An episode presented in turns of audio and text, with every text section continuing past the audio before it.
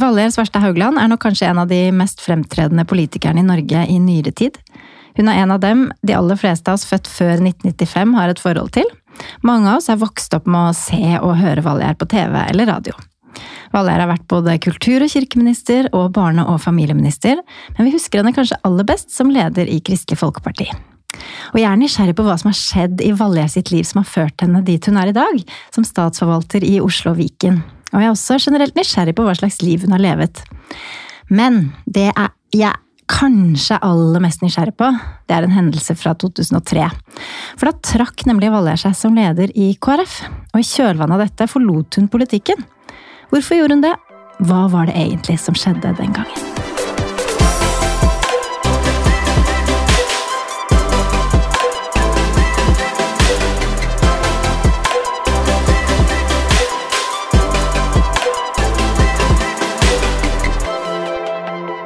Hjertelig velkommen, Valé. Tusen takk. Så hyggelig å ha deg her. Takk skal du ha. Det er hyggelig å være her òg. Du, nå går vi jo mot litt sånn, eller vi er i lysere tider. Det er, pandemien begynner å legges bak oss. Men det har vært et veldig spesielt år for alle, og du har jo sittet da som statsforvalter i Oslo og Viken. Hatt mye ansvar. Hvordan har det vært under pandemien? Det har vært eh, ganske krevende til tider. Altså Min arbeidshverdag har vel kanskje ikke sånn totalt sett vært mer krevende, fordi at veldig mange av de tingene som jeg pleier å bli invitert på, er jo avlyst. Nå begynner det å våkne til live igjen, så nå, nå baller det på seg. Men eh, vi har jo hatt masse kontakt med kommunene, med ordførerne, kommunedirektørene, kommuneoverlegene. I, til å begynne med så var vi nok kanskje ikke helt, helt raske på ballen til å prøve å utforske hva kommunene trengte av hjelp. Det ser jeg i ettertid, vi burde vært mer på. Men eh, eh, kommunene sto der. De, altså, hadde- de trengte hjelp til smittevernutstyr, blant annet. ja, og det å distribuere Altså, vi hadde jo ikke nok smittevernutstyr i Norge, så sånn sett så hadde vi ikke så veldig mye å distribuere. Men eh, Helse Sør-Øst, som hadde ansvaret for å distribuere smittevernutstyr, de trengte hjelp av oss, og vi innhenta informasjon fra alle kommunene hva de trong. Men, men det var jo Altså, jeg vet jo om noen som pleide å ha hjemme, hjemmehjelp og hjemmesykepleier, og de sa nei takk fordi at de som kom til, de hadde ikke på seg munnbind. Og det var for kommunen hadde ikke munnbind, og de var redde for å bli smitta. Eldre folk, eh, til dels ikke helt friske selvfølgelig når de får hjemmesykepleier. Og eh, det var stort kaos og stort mangel på, eh, på smittevernutstyr til å begynne med. Og eh, jeg tror mange ordførere rundt omkring i Oslo og Viken, for så vidt i hele landet, men spesielt her hos eh, oss, fordi at her var det mest smitte, eh, var urolige for både innbyggerne sine og de som jobber for dem, fordi at de ikke hadde godt nok utstyr. Så etter hvert så ble det jo en ordning på det òg. Vi fikk importert masse utstyr. Det er jo rart, altså. Eh, pandemi, altså DSB, hadde jo øverst på sin ROS-analyse, altså analyse for hva som kan skje, var en pandemi i deres analyse. Allikevel så var ikke vi som samfunn forberedt på at det kunne skje. Eh, jeg var ikke forberedt som statsforvalter. Eh, Storting og regjering hadde ikke laget, på en måte lager med smittevernutstyr. Kommunene hadde ikke. Det var kommunene som hadde ansvar for å ha sine lager, men de hadde ikke på langt nær nok. Ingen hadde sett at dette kunne skje og være så alvorlig, og for ikke snakke om så langvarig. Nei, det var jo eh, ingen som kunne forutse noe slikt, egentlig. Men det burde vi kanskje gjort. Ja, ja, kanskje. Og i ettertid er det veldig lett å være etterpåklok, da. Mm. Men, eh, men eh, jeg husker når vi feiret 17. mai i fjor. eh, Der vi liksom måtte feire det på avstand og ikke noe særlig eh, tog og alt dette her, så tenker vi til neste år blir det helt sikkert bedre. Mhm. Men det ble jo ikke det. Men nå tror jeg at til neste år blir det nok bedre, for nå har mange av oss fått vaksine. Jeg har fått begge to, og, og, og Oslo har endelig kunnet åpne byen sin igjen, og, og kommunene rundt. Og det er jo vi i Oslo og Viken som har hatt det hardeste trøkket i hele tida. Men så har du noen andre sånn utbrudd her og der som kom av små og store hendelser. Her i en by var det noen som gikk ut fra karantene litt for tidlig, og dermed smitta mange, og så, og så får det en konsekvens som ikke de har oversikt over. Så det kan skje ting ennå. Eh, Så vi må være forsiktige. Ja. Vi må vaske hendene, vi må bruke munnbind når vi ikke kan holde avstand, og vi må eh, gjøre, bruke, liksom være holde avstand der vi kan. Ja. Men det er samt- sikkert greit for folk å bli minnet på det nå i Ja, jeg- sommerferien. Jeg tror det, fordi at vi har så lett for å nå slappe helt av. Ja. Og så er det sånn at hvis du reiser ut i landet, reiser denne små, eller kommunene rundt omkring landet, så har de aldri brukt et eneste munnbind. Skolen har aldri vært stengt. Altså, de har hatt et helt normalt liv, mens vi her har hatt et helt utradisjonelt liv med stort press på alle innbyggerne. Mm. De har vært tålmodige, må jeg si. Og det har vært eh, travelt, og ikke minst beredskapsavdelingen hos meg, og helseavdelingen, og, og til dels barn og utdanning, og, og de som driver med sosiale saker, har hatt et kjempetrykk for å hjelpe til så godt de kan. Den stillingen din, statsforvalter, det er kanskje noen som lytter nå som tenker det har vi ikke hørt om, de fleste har nok hørt om det, men den eh, tittelen på stillingen din ble jo endret i fjor. For du var jo fylkesmann Ja. i Oslo Viken i mange, mange år. ja. Og så ble det til statsforvalter. Eh, og det er jo en del av, eh, kall det, hva skal man kalle det? Eh, likestilling i Fornyelse av fornyelse av titler. Ja, Mm. Ja. Hva syns du om den nye tittelen statsforvalter? Ja, nå har jeg jo hatt han siden 1. januar, så nå begynner jeg å bli vant med den. Eh, Jeg er godt fornøyd med han fordi at vi forvalter faktisk statens interesser overfor eh, kommunene. Og vi skal òg forvalte kommunens interesser eh, overfor staten. Sånn, sånn at det er, det, det Jeg er iallfall ikke mann. eh, Og det som var dumt med fylkesmann, er at veldig mange blander fylkeskommunen og fylkesmannen. Mm. Så jeg har hatt masse møter med folk som har trodd de har kommet til rett instans, og så skulle de egentlig ha snakka med fylkeskommunen. Mm. Uh, og det får vi mindre av nå, da, fordi at uh, vi har en annen tittel. Vi er ikke helt ferdig med det, vi er ikke helt over. Men uh, etter hvert som liksom tida har gått, så, så tenker jeg at dette er en tittel som er litt tung og lang. Men bortsett fra det, så forteller den litt om hva ansvar jeg har. Så jeg syns regjeringa har gjort en god jobb. Så bra. Statsforvalter, jeg syns det høres flott ut. Uten at jeg kan så mye om det. Men det høres riktig ut. Ja, det- Og så er det andre eksempler på titler som da er endret. Det er da blant annet lensmann, som har Mhm. blitt til politiavdelingsleder.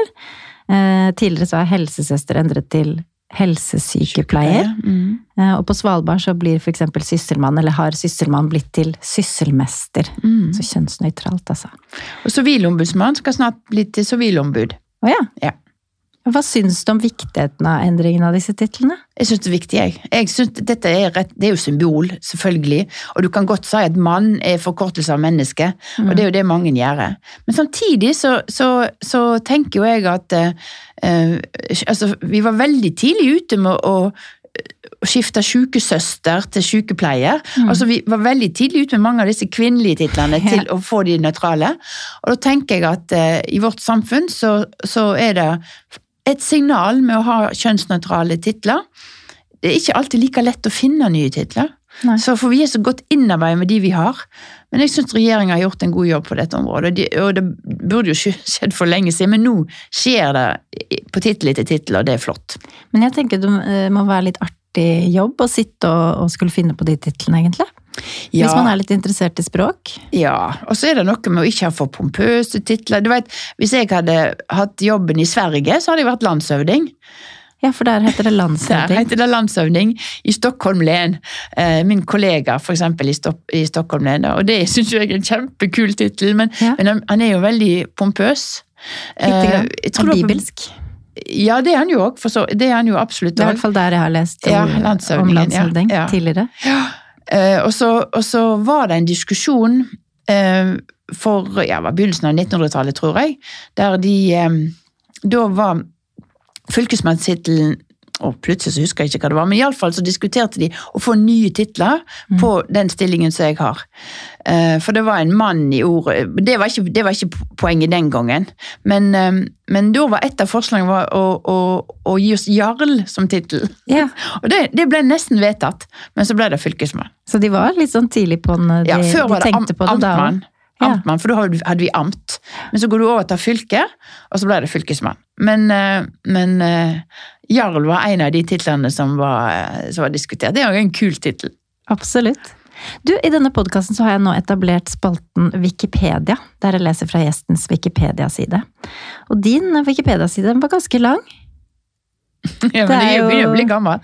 Ja, det var mye innom der, men jeg tenker at vi kjører det. Er du klar for en gjennomgang? Ja. Jeg håper jeg husker det meste. Ja. Så får du bare si fra hvis det er noe som er riv ruskende gærent. Ja. Valgerd Svarstad Haugland, født 23.8.1956 i Kvam i Hordaland, er en norsk tidligere politiker, KrF. Fra 2019 er hun statsforvalter i Oslo og Viken. Tidligere fylkesmann, da. Fylkesmann før det. Hun var innvalgt eh, til Stortinget fra Akershus perioden 93 til 2005. Hun var sekretær i Stortingets sosialkomité 93 til 97 og nestleder i finanskomiteen 2000 til 2001. Hun var barne-, og familie- og forbruksminister fra oktober 1997 til mars 2000, og kultur- og kirkeminister mellom oktober 2001 og oktober 2005. Hun var, her kommer det, fylkesmann i Oslo og Akershus fra 2011 til 2018.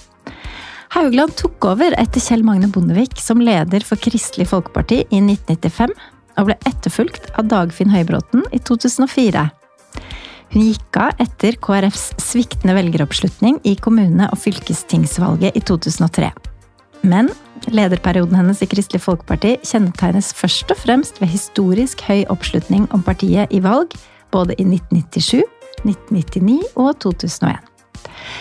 Som barne- og familie, barne-, familie- og forbruksminister var hun ansvarlig for innføringen av kontantstøtten.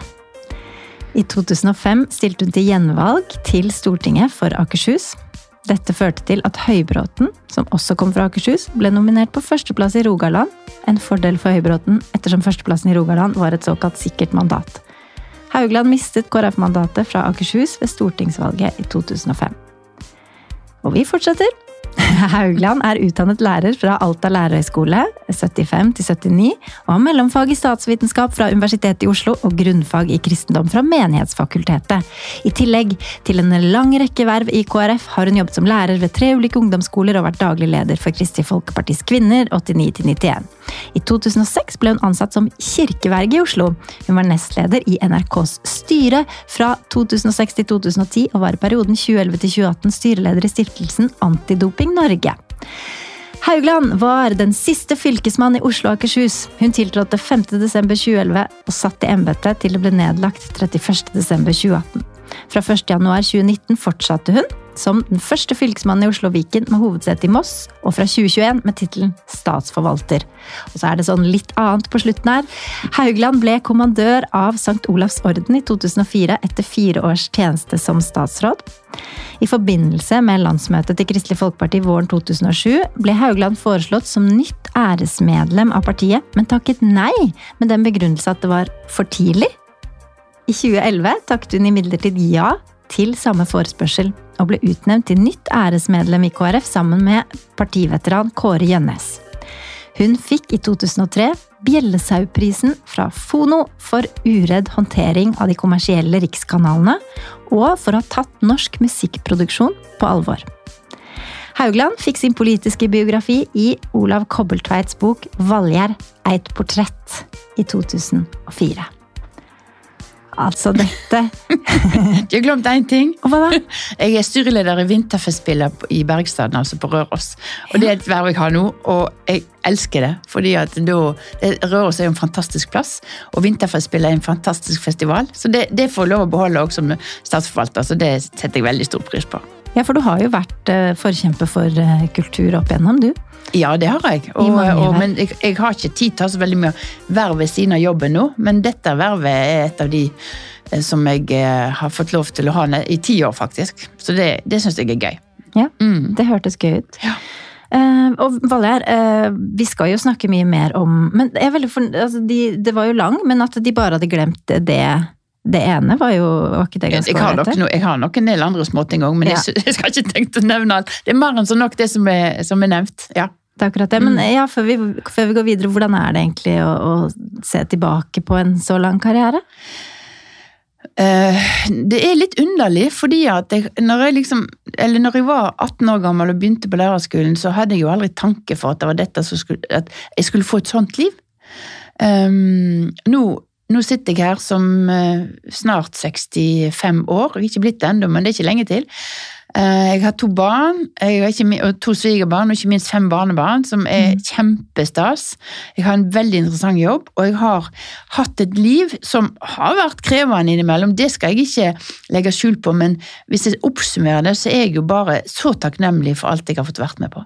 Og det, Jeg hadde jo ikke en drøm om å kunne være med på alt dette her når jeg, eh, når jeg eh, var 18 år. Altså, en liten historie som jeg sjøl er litt søt. da, Jeg vet ikke. Jeg gikk på folkehøgskole på Hurdal Verk. Mm. Da var jeg 17 år gammel.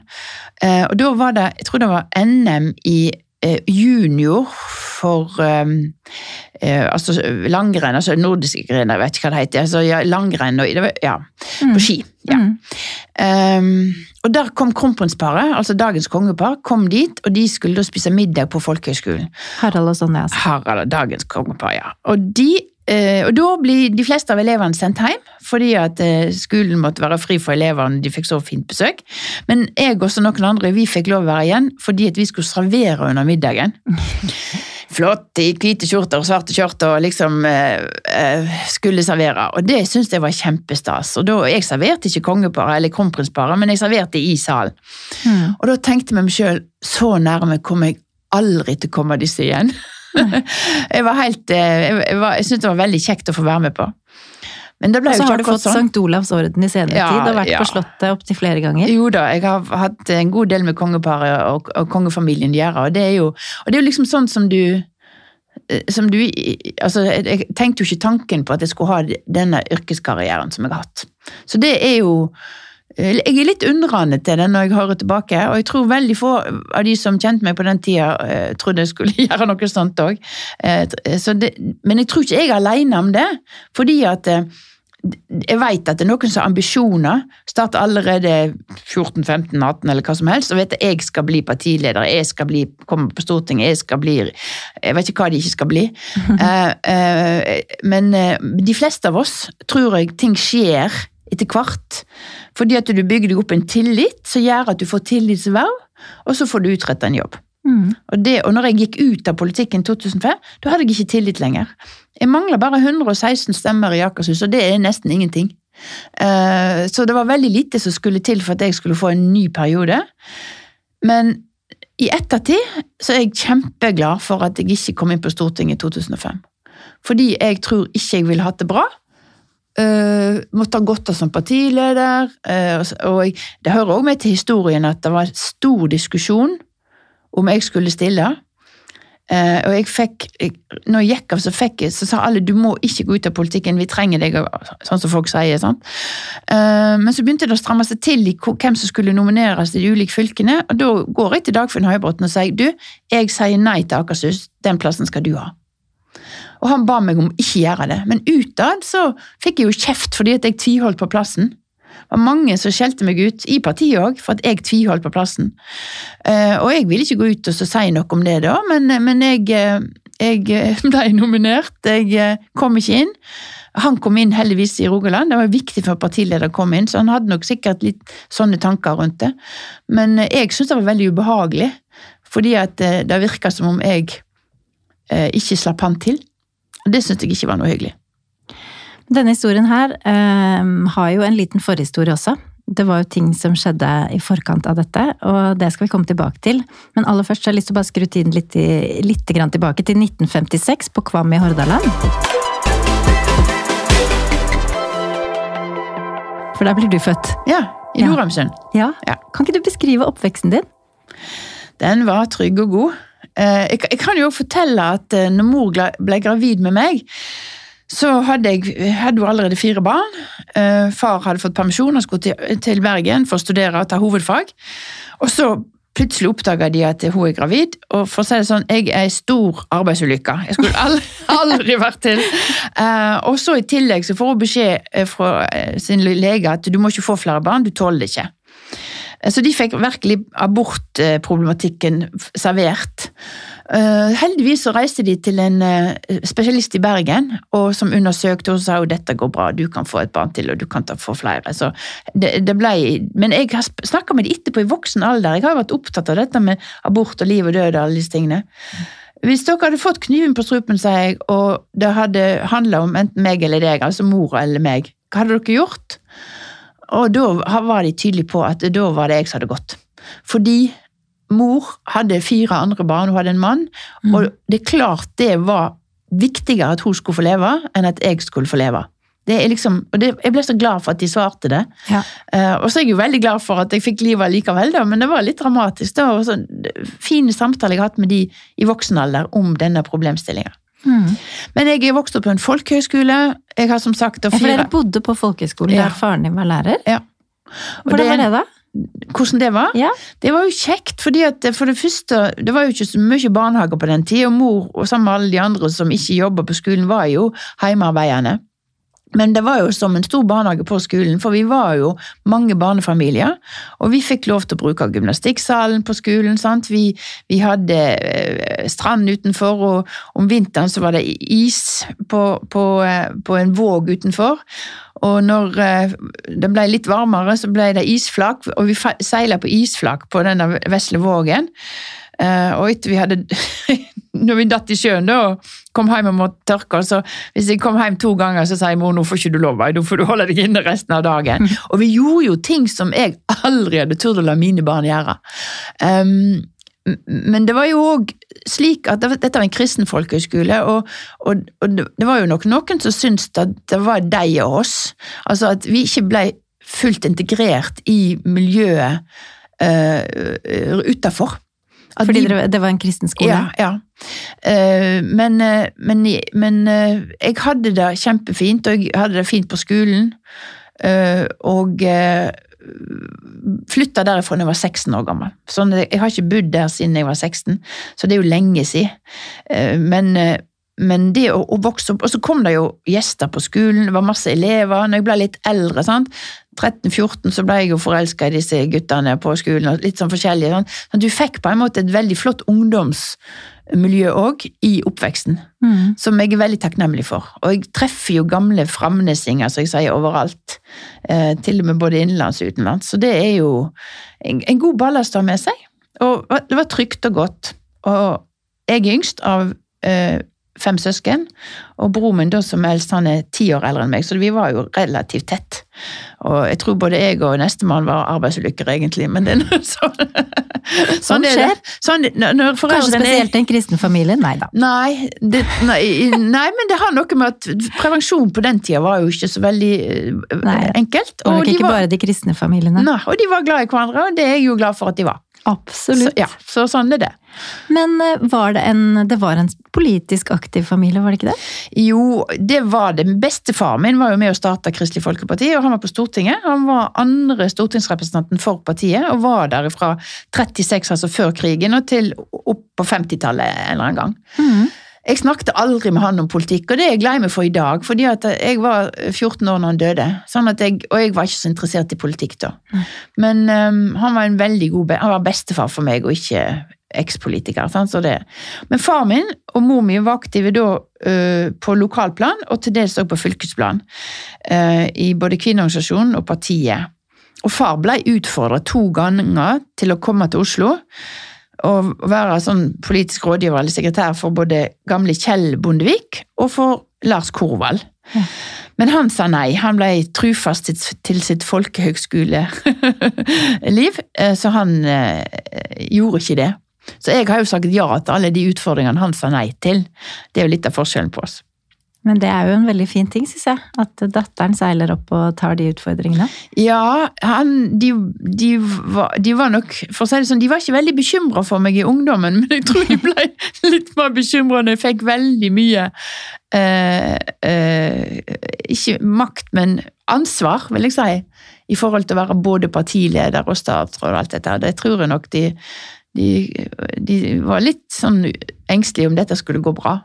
Ble de bekymret i forhold til Da de så hvor mye trøkk Ja, de gjorde jo det. Det det medfører å Ja. sitte i sånne posisjoner? Ja. Eh, jeg husker til og med en gang TV 2 sendte et helikopter inn til Nordhamsund for å intervjue de da jeg gikk av, Mm. uten å snakke med meg om det. Eh, og Nå er jeg jo veldig åpen, da, men da hadde faren min allerede alzheimer. Han kunne sagt hva som helst. Men, hun som hadde ansvar for intervjuet, hun, jeg sa til henne hvordan det var, og hun, det ble et veldig, det ble- et nydelig intervju. Men eh, da var jeg ganske irritert, for jeg syntes ikke det var helt greit. Men eh, også det har jo vært en del De har jo vært litt engstelige for det, ja, selvfølgelig i perioder. Men det, det er jo sånn som vi, foreldre, vi som er foreldre, vi er engstelige for barna våre, og vi er veldig glad når det går bra. Og så var de stolte av meg òg, og det syntes jeg òg var hyggelig. Ja, for det er jo en del å være stolt av. Ja, ja. Jo. Sier jeg, det har jeg lov å si. ja. Men det er jo godt å føle at du har liksom den omsorgen for foreldrene dine, både i tøffe tider og i glade tider. Absolutt. Lever de i dag, eller? Nei. Far gikk bort faktisk i 2005.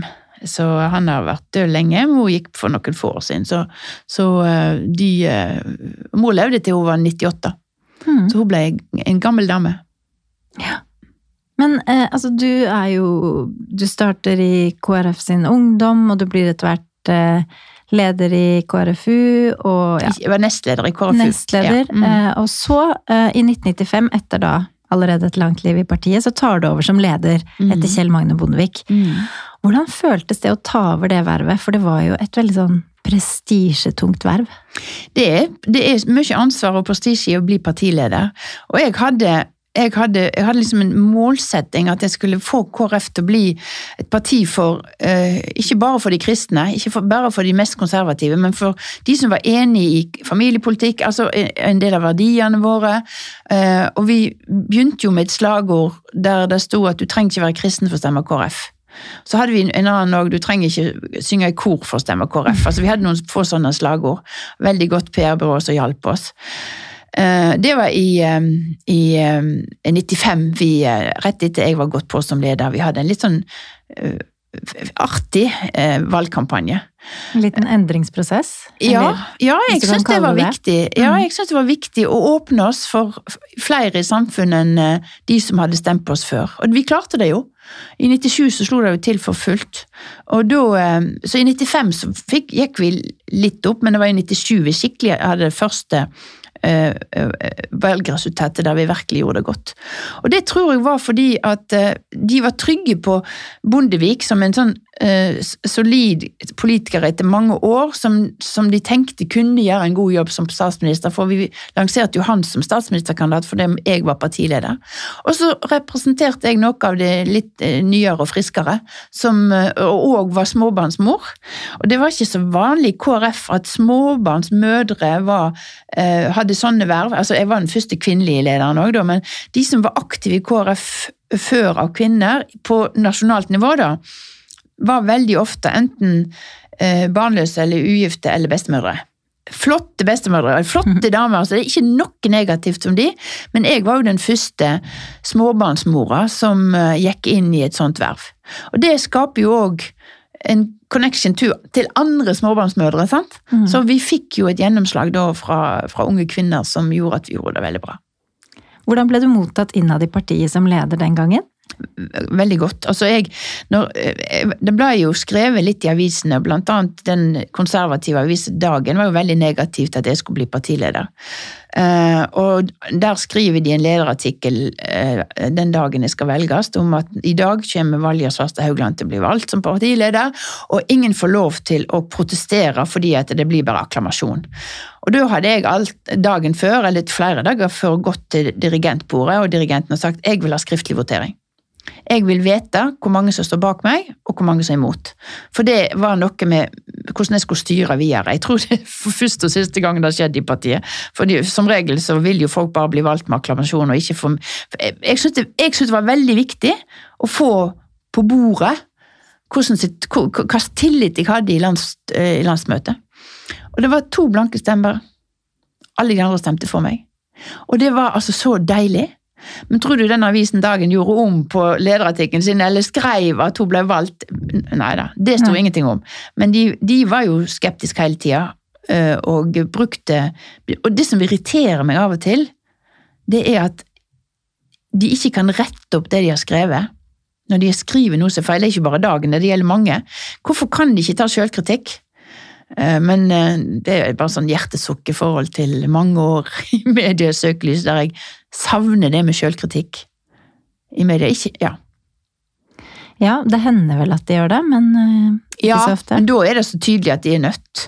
Her kunne de jo la være, selvfølgelig, fordi at ok, de hadde skrevet lederartikkel, og det var tydelig at ikke de ville ha meg som partileder, men, men Og de trodde heller ikke det ville bli noe suksess. Og da er det jo litt greit å tenke på at jo, det ble faktisk en su suksess. Og Dagen er jo en avis som jeg har vokst opp med. Mor og far abonnerte jo på den fra, fra, jeg var født, så jeg hadde jo fulgt den avisa. Så jeg følte liksom at søren òg, de kunne iallfall vært litt mer positive. Eh, men, men. Det er nå så. Eh, det er, det, jeg tenker ikke på dette særlig ikke nå lenger, da. Men du får meg til å tenke tilbake nå i dag. Ja, det er meningen, det. Ja, jeg skjønner det. Men hvordan er det å være leder i en slik rolle som du var da du var leder i KrF? Fordi jeg tenker på det at det oppstår vel veldig mange situasjoner som er vanskelig å håndtere. Ja, det er det jo. Og det er jo eh, klart at på mange måter så, så, så har KrF et litt spesielt lys på seg, fordi at de kaller oss Kristelig Folkeparti. Og den gangen så hadde du òg en formålsparagraf som sier at hvis du skal bli aktiv i Kristelig Folkeparti, hvis du skal verve i Kristelig Folkeparti, så må du være, må du være kristen. Det var en, en formålsparagraf som ikke de har nå lenger, heldigvis. Og, det, det en, eh, og Hadde vi vært et nyere parti, så hadde det heller ikke vært en sånn paragraf. Men i, i 33, så, når dette ble startet, partiet ble starta, så følte de at det var nødvendig. Uh, og hvis det var noen hos oss som gjorde noe galt, da, uh, som liksom ikke kristne bør gjøre, så er det, da er det jo et ekstra fokus. Uh, og må, det er vanskelig, vanskeligere å forsvare, kanskje. Det, altså, uh, du, har ikke, du, har ikke, så stort rom til å feile på som du har i en del andre partier. Det var kanskje spesielt én sak som ble vanskelig for deg å håndtere, og som skulle vise seg å bli ganske betydningsfull uh, for deg og din videre karriere. Fordi i 2003 blir en voldtekt, eller om det var i 2002 at den ble meldt inn, men det ble i hvert fall en voldtekt meldt inn og varslet til partiets ledelse. Kan ikke du forklare litt om hva den saken handlet om? Ja, det var vel ikke akkurat sånn, men, men for å si det sånn, eh, jeg hadde flere sånne vanskelige samtaler om kvinner som følte seg krenka av KrF-ere. Um, og, og, så var det jo òg en del i kristne organisasjoner, kvinner som følte seg krenka. Og nå i disse dager er det jo Bollestad som har vært ute og fortalt sin historie. Eh, og i det miljøet der så var det òg det KrF. Og noen kom til meg for å ha samtale om dette her. Og vi fant ut at nå må vi ha et regelverk for hvordan skal vi håndtere slike saker. Og så fikk vi et regelverk på plass der øh, den som da blei anklaga for å ha gjort noe, skulle uh, enten tre ut av vervet eller ikke stille til valg før, før, saken var avgjort. Om det var noe sannhet i det eller ikke. Sant? Altså, Jeg husker ikke alle regler, men vi hadde, uh, det skulle håndteres på lavest mulig nivå. altså som, som, Enten i den kommunen det skjedde, med uh, nei, partiet i kommunen eller i fylket. Eller hvis det var noe på landsplan, da, så skulle det skje på landsplan. Men Eh, så vi, jeg, vi, hadde et veldig klart regelverk som landsstyret hadde vedtatt, som var et, var et godt Og jeg håndterte denne saken Det var slik at uh, uh, ei kvinne kom til meg fordi hun hadde anmeldt en av våre for voldtekt. Politianmeldt. Så den anmeldelsen lå på et politikammer. Uh, og så hadde hun lest gjennom hans forklaring, og der sto det at han hadde informert meg om saken. Eh, og eh, derfor ville hun òg snakke med meg. Og det er riktig at jeg hadde hatt en samtale med han, men, men voldtekt eller overgrep eller sånn var jo ikke engang tema. Det var, det, altså jeg, jeg kobla ikke de sakene i hele tatt. Eh, så når hun kom til meg og fortalte om sin anmeldelse, så tar jeg kontakt med fylket hennes, eller det er jo egentlig generalsekretæren min som tar kontakt med fylket hennes, og så blir alt da eh, håndtert av dette fylket. Men det han ikke gjorde, han trakk seg ikke fra kandidaturet sitt, for han sier han ville ikke trekke seg. Han sto på at ingenting hadde skjedd. Og sånn. Og Derfor så ble det veldig mye bråk, og det ble bråk i media. Og jeg eh, tok ikke standpunkt til skyld eller ikke skyld, for det har ikke jeg mulighet til. Jeg, jeg, jeg hørte på henne, og jeg tok henne på alvor, og det står jeg for. Um, men jeg ble jo beskylda for å forhåndsdømt han, jeg vet ikke hva jeg ikke ble beskyldt for. Og Den tida så var det ikke modent for å håndtere en sak slik som jeg gjorde. Hvordan reagerte de andre i partiets ledelse? Nei, der fikk jeg jo I ledelsen så fikk jeg nok støtte, fordi at vi håndterte det ut ifra eh, regelverket vårt. Eller det var fylket som håndterte dette her. Men eh, eh, det ble så mye medieoppslag, og jeg følte meg veldig alene. Fordi all skytsen gikk mot meg. Og, altså, for det som skjer, er at du da på en måte altså, Du hører på kvinnen. Ja, du ja, tar ja. henne på alvor. Ja, ja. Selvfølgelig. Eh, og det er jo det som egentlig er kjernen til eh, hva skal jeg si, disse problemene som oppstår nå. Og det gjorde eh, fylkeslederen i dette fylket òg. Hun var en god støtte for meg òg. Men hun, hun fikk òg en del pes. Men det ble jo mer som på lokalplan. Sant? I fylkesplanen. Jeg fikk jo eh, media, altså sentrale mediene på meg, skikkelig. Og alle, nei ikke alle, det var, men veldig mange slakt, altså Akersgata slakta meg. Eh, mens en del av regionsavisen gjorde det ikke. De eh, skrev at eh, det er den eneste måten å takle det på, så jeg fikk en del støtte òg. Men for meg er jo liksom den, den massive eh, antistøtten det som jeg husker best. Jeg må liksom plukke fram alle de fine lederartiklene jeg òg las, blant annet Feven og til dels òg Rogaland, nei, Stavanger Aftenblad etter hvert og litt sånn. Men uh, Jeg skjønner at, du, at det helt sikkert var uh, folk som støtta deg også, samtidig som jeg blir interessert i å høre hvordan du opplevde det. For Ja. det er et massivt medietrykk, og det påvirker jo også da holdningene innad i partiet. Ja. Plutselig blir du Ja. eh, Det snur litt, ikke Ja. sant? Du blir mer uglesett, og Ja. det blir en slags Ja, ja. Jeg vil ikke kalle det heksejakt, men altså det er en, en prosess som begynner å pågå. Ja. Kan ikke du beskrive litt hvordan du opplevde det? Det jeg opplevde, var at selvfølgelig en del av hans kollegaer tok jo hans parti. Og en annen fylkespolitiker sa ja, vi, jeg vet vi har et regelverk, men det burde ikke blitt brukt i denne tilfellet. Sånn at det, eh, det, det, det Og det sier de fordi det, det er en intern Ja. Mannen ja, som er beskyldt, Ja. er en intern som de er glad i Som de og har et forhold til. Ja, et forhold til. Og det kan jeg jo forstå. Men, eh, men problemet for meg ble å takle eh, både Altså det For å si det enkelt, så mista jeg tillit i egen organisasjon. Og det som òg skjedde, det var at på folkemunne så var, var det jeg som var den store, stygge uh, ulven her. Uh, jeg opplevde jo at folk tok totalt avstand fra meg fordi jeg hadde håndtert denne saken sånn slik jeg gjorde.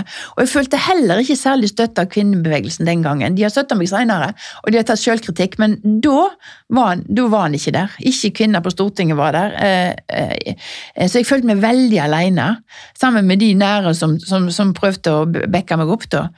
Eh, Og veldig mange syntes det var, det var jeg som hadde gjort den store feilen. Og så tenker jeg, jeg har veldig ofte hva kunne jeg gjort annerledes? Eh, og jeg kunne ikke gjort noe annerledes. Så, enkelt er det, og dette ble min skjebne. Fordi at folk sto på stand, og, og folk, folk kom på stand For dette var i forkant av, det var liksom ja. sommeren før, Før valget. valget. Mm. Mm. Og folk sto på stand og skulle promotere KrF-saker, og det folk var opptatt av på stand, det var å rakke ned på partilederen. Jeg hadde jo prøvd å få noen politiske utspill, det var ikke sjanse i havet, fordi at eh, media var ikke interessert i mine politiske utspill, de var bare interessert i dette her. Og hei, det, det, det var veldig belastning for tillitsvalgte der ute, fordi at de ble jo òg tatt for det som jeg hadde gjort. Uh, og, uh, og så ble det satt ned en kommisjon i partiet som skulle vurdere, evaluere valgkampen og valgresultatet. For det ble jo altså I dag hadde det vært et kjemperesultat, men det var dårlig da. Uh, og, og det var jo det første dårlige valgresultatet jeg hadde, så jeg syns liksom Kanskje de burde hatt litt større tålmodighet med meg. Jeg var jo den siste som innså at jeg var nødt til å gå.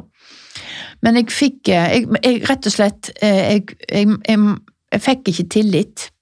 Og noen i partiets ledelse syntes jeg hadde hatt det så tøft at jeg burde få avløsning fordi at det, dette hadde tatt sånn på. Og det er jo for så vidt sant. Og noen av de har kommet i ettertid og sagt at vi burde aldri bedt deg gå, for du for, ja. så, så, jeg har fått en del reaksjoner etterpå. Men um, Men hvordan var det for deg privat? Hvordan vil du beskrive den våren og sommeren? For deg som privatperson? Den verste sommeren jeg noen gang har hatt, og den verste valgkampen jeg noen gang har gjennomført. Eh, og når valget var over, så var jeg jo Jeg var, jeg var så langt nede at jeg eh, Nei, det var fryktelig. Eh, Jeg fikk jo Jeg var på ferie i utlandet, men eh, det hjalp jo ikke stort. For jeg må jo ha mobiltelefonen med meg når jeg er på ferie. Eh, Og jeg var der sammen med ei veldig god venninne, eller hun og familien og min familie, da vi hadde det kjekt. Men nei, dette her er, en Det var den verste ferien jeg har opplevd. Den verste sommeren jeg har opplevd.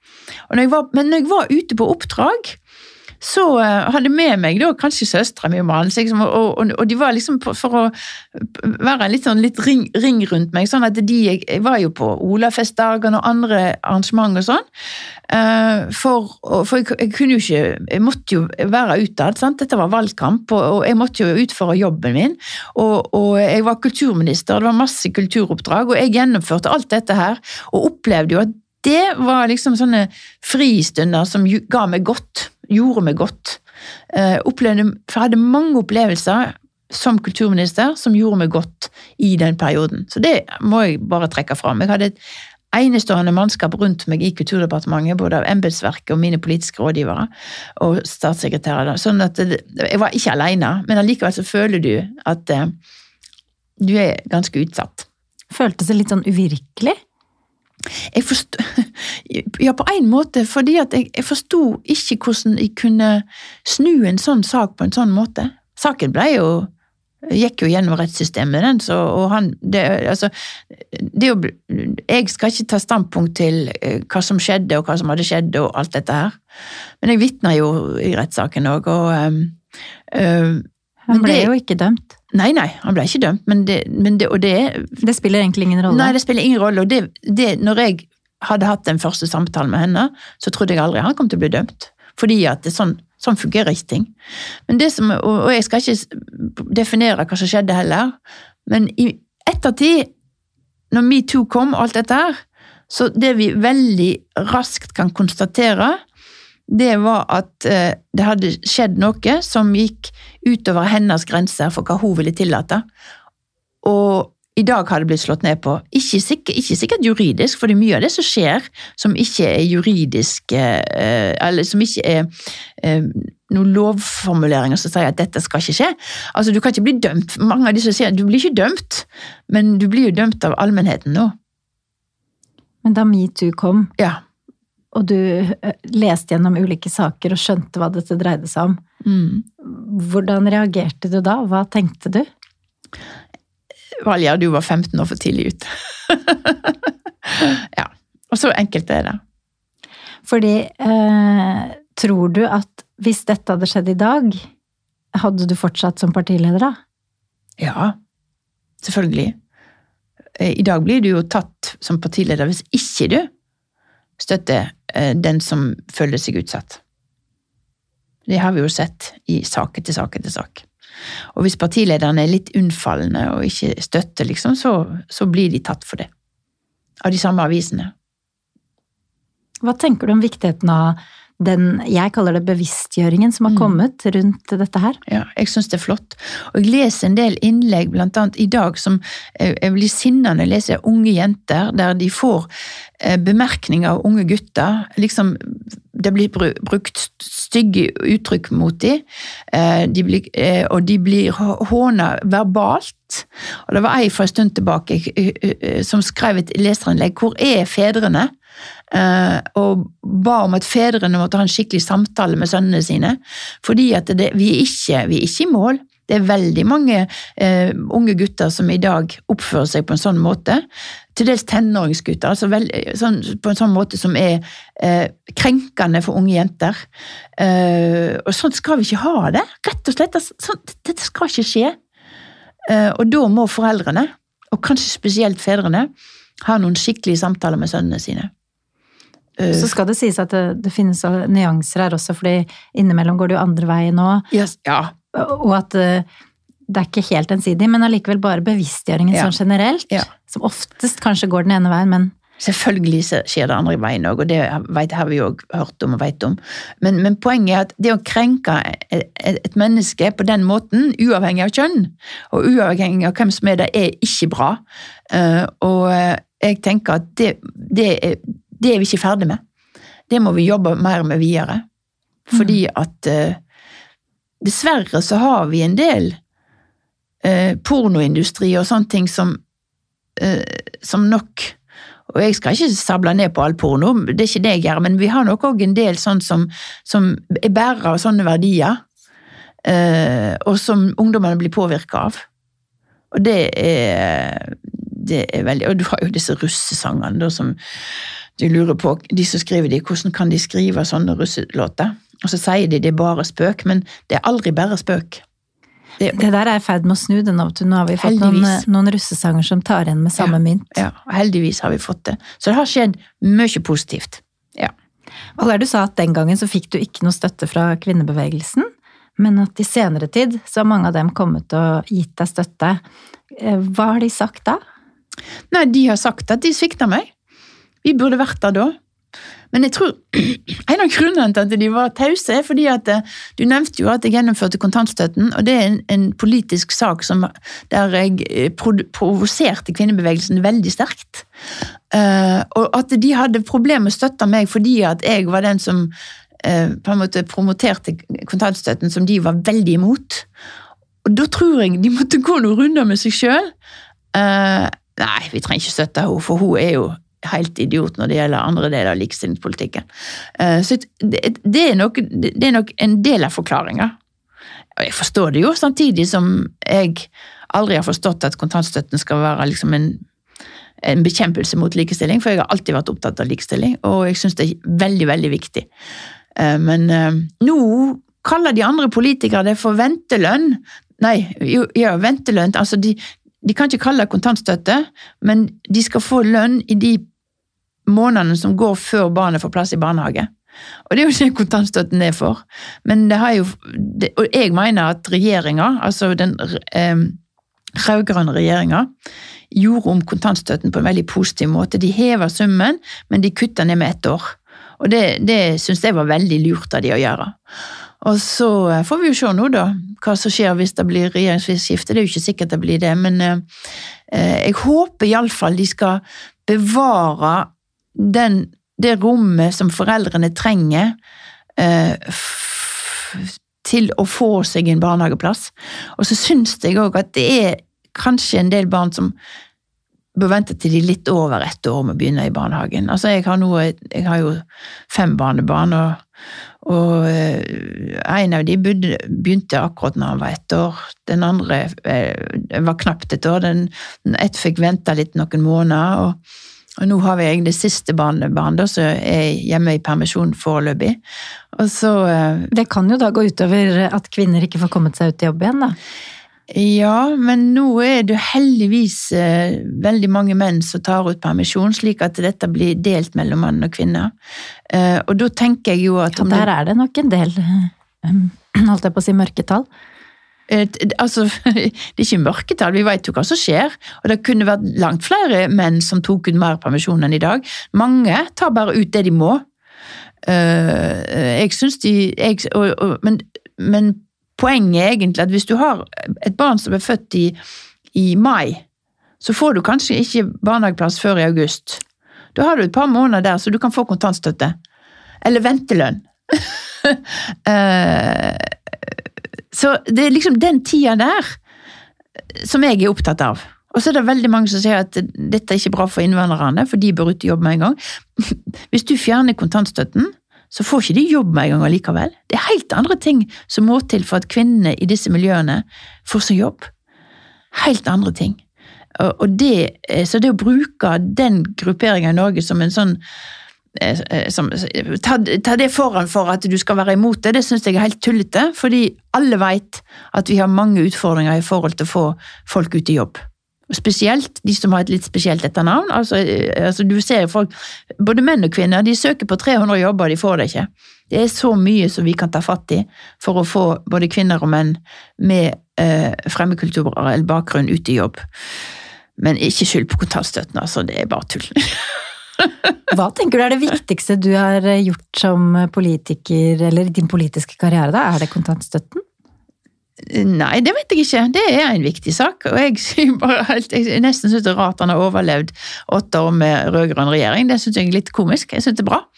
Eh, jeg fikk å rydde opp i, eh, i spilleautomatene. Det syns jeg, det er jeg veldig kry av.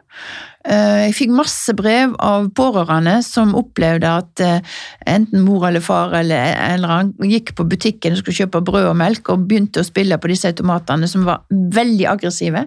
Mm. Det ga masse penger til Røde Kors og idrett og, fri, og, og redningsselskap og sånne ting, men det, men det, ga, men det ødela mange liv. Um, og der hadde jeg mye motstand mot å ordne opp i det. F til å med hadde jeg òg motstand fra nesten alle som var i det frivillige, for de ville heller ha pengene. Men jeg fikk de etter hvert med på laget. Anne Enger var den som var, var først ute og støtta. Hun var da generalsekretær i Redningsselskapet. og Hun kom til meg og sa jeg, jeg trodde jeg skulle ha en jobb der jeg skulle redde liv. Jeg ser jo jeg er med på å ta liv, på måten jeg får altså, penger Du mener tidligere Senterpartileder ja. Anne Inger Landstein? Ja, ja, bare hvis, sånn at folk henger med i svingene? Ja, Anne Inger Landstein het hun da.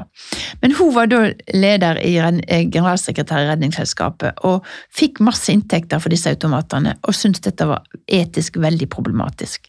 Så hun kom til meg, hun kom til Norsk Tipping, og det ble en plan. Og den ble gjennomført. Han var til og med oppe i ESA, og vi vant hele veien.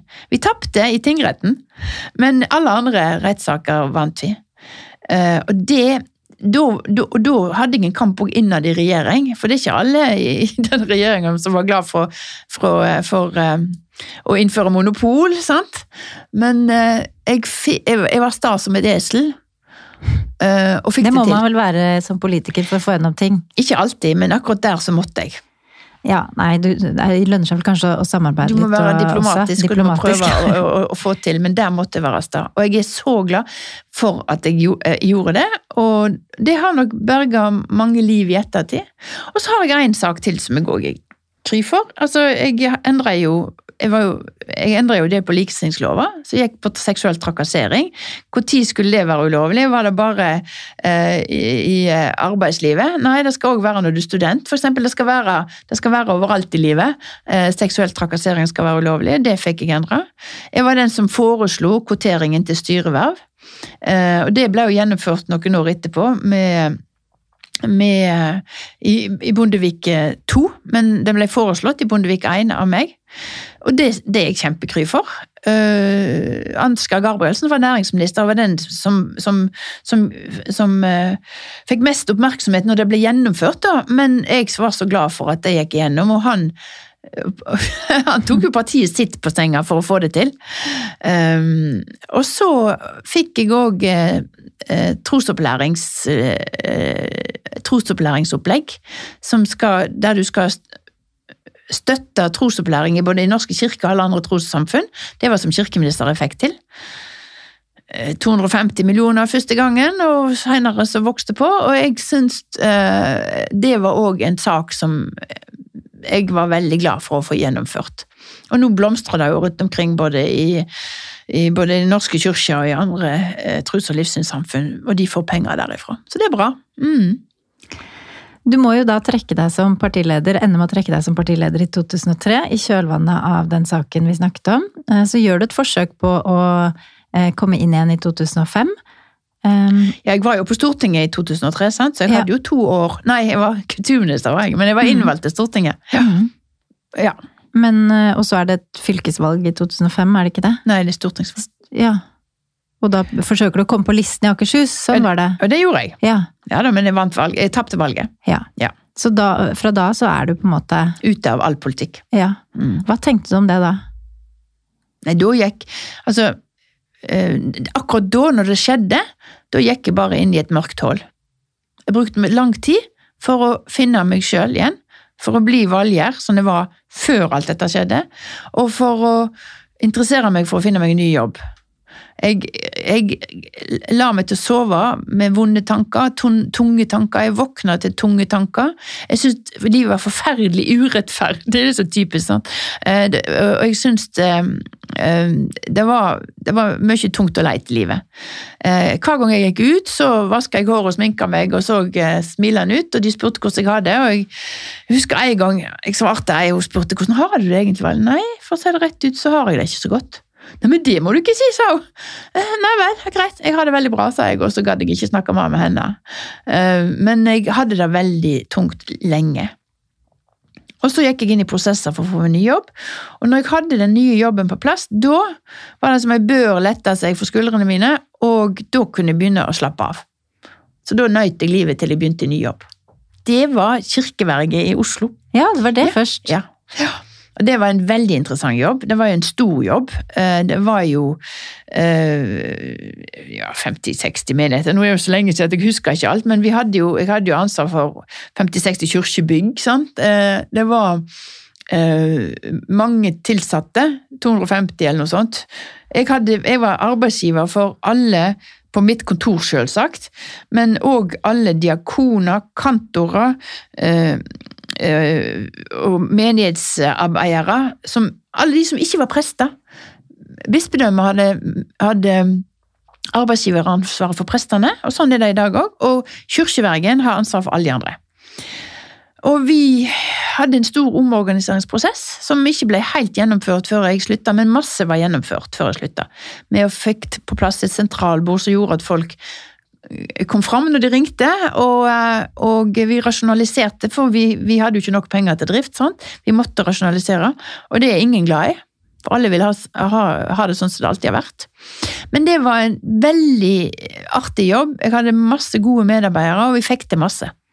Så det var eh, da godt over fem veldig gode år. Og så dukka da fylkesmannsjobben i Oslo og Akershus opp. Og når den ble ledig, da søkte jeg den, og fikk den, og var veldig glad for det. Og der har du vært siden? Ja.